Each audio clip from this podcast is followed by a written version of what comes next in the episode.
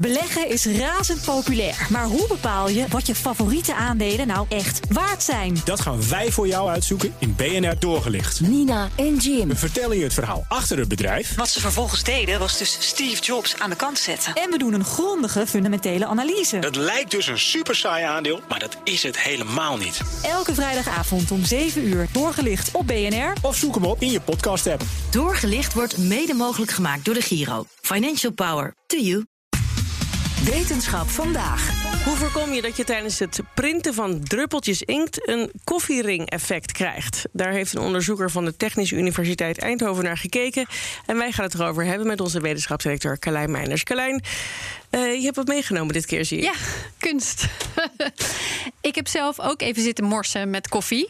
Uh, want je kunt het een beetje zien. Ik geef hem wel eventjes door. Ja. Dat is gewoon een A4'tje. Ja, met, koffie, met, koffie. Ja, zeker. Ja, dus mocht je niet meekijken via de webcam, je mist niet zoveel. Nee, het is niet echt heel een erg met koffievlekken. Ja, okay. Dat klopt. Uh, maar je kunt wel zien, uh, die vlekken die je dan krijgt, die zijn niet mooi gelijkmatig. De binnenkant is wat lichter en de buitenste rand, die is wat donkerder. Ja. Nou, in de printindustrie heb je dit ook. En daar is het een groot probleem. Want daar wil je absoluut niet dat de druppeltjes die op je papier komen, zulke kringetjes vormen. Uh, want als je dan naar het geheel kijkt, dan zou je allemaal kleine rondjes zien in plaats van een effen vlak kleur, bijvoorbeeld. Mm -hmm. Ja. Dus dat is een groot probleem. Uh, en naar dat hele proces van specifiek het inkjet printen wordt nu gekeken door onderzoekers van de TU Eindhoven naar de druppeltjes, ook naar het tuitje waar de inkt uitkomt en wat er bijvoorbeeld gebeurt met een druppeltje als hij valt. Ja, met als doel zou ik zeggen om dan dus het hele proces te verbeteren. Precies. Uh, promovendus Ruben van Galen heeft zich geworpen op de druppeltjes. En dan met name op het toevoegen van bepaalde moleculen, surfactants, die kunnen helpen om dat koffiering-effect tegen te gaan. En waarom krijg je eigenlijk zo'n koffiering? Dat heeft te maken met de verdamping van de druppel. De verdamping is namelijk het snelste aan de zijkanten van die druppel. Waarom vraag je je dan af? Dat is eigenlijk hetzelfde effect als bij bijvoorbeeld een bord met warm eten een bord met warm eten koelt ook altijd het snelste af aan de zijkanten, waardoor je daar vaak eerder kan eten zonder je mond te branden dan in het midden. Uh, daar, daar kan de warmte eigenlijk het makkelijkst alle kanten op. Terwijl dat in het midden minder makkelijk gaat, minder snel. En wat er dan gebeurt, is dan trekt de vloeistof van het midden eigenlijk ook naar buiten om dat weer aan te vullen. En dan krijg je van die kringen. Toch leuk om te weten. En er zijn dus moleculen die dit dan weer tegen kunnen gaan. Ja, dan heb je het over surfactants. Surfactants die zitten in, eigenlijk in al het water, dus ook het water wat uit de kraan komt. Maar dan in hele kleine mate. Maar vaak worden ze ook in industriële processen toegevoegd. Uh, omdat ze allerlei ja, gunstige effecten kunnen hebben voor dat hele opdroogproces. Ja, en die surfactants vind je dus ook in de natuur. Maar iets als zeep of sommige oliën, daar zit het ook in. Ja, en het wordt dus al gebruikt. Waarschijnlijk ook dan voor deze printtoepassingen. Ja, alleen de reden waarom er dan toch nog onderzoek nodig is... het wordt gebruikt zonder dat echt bekend is... hoe het nou het beste zou werken. Dat wil zeggen welke variant van dit stofje het best zou werken... en in welke hoeveelheid. En waarom wordt het dan al wel gebruikt? Als je nog niet weet wat het doet. Ja, ja dat dat ik moest ook meteen denken aan de nanodeeltjes... die in zonnebrand zitten, bijvoorbeeld. Daar is ook best wel veel ophef over geweest. Want we weten nog helemaal niet zo goed... hoeveel er dan in terechtkomen, hoeveel er zijn... wat ze nou precies doen. Nou, dat weten ze hier dus ook niet helemaal precies van.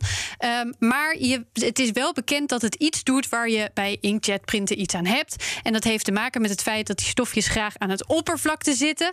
Met de kop in het water en de staart juist erbuiten, zeg maar. En ze trekken dus graag naar het oppervlakte toe. En daar kunnen ze van invloed zijn op de oppervlaktespanning van de druppels. Regendruppels die willen eigenlijk rond worden als het even kan. Want als ze ja, bolvormig zijn, rond, dan is het oppervlakte zo klein mogelijk. Dus dat is eigenlijk die oppervlaktespanning. Surfactants die verlagen dus die oppervlaktespanning.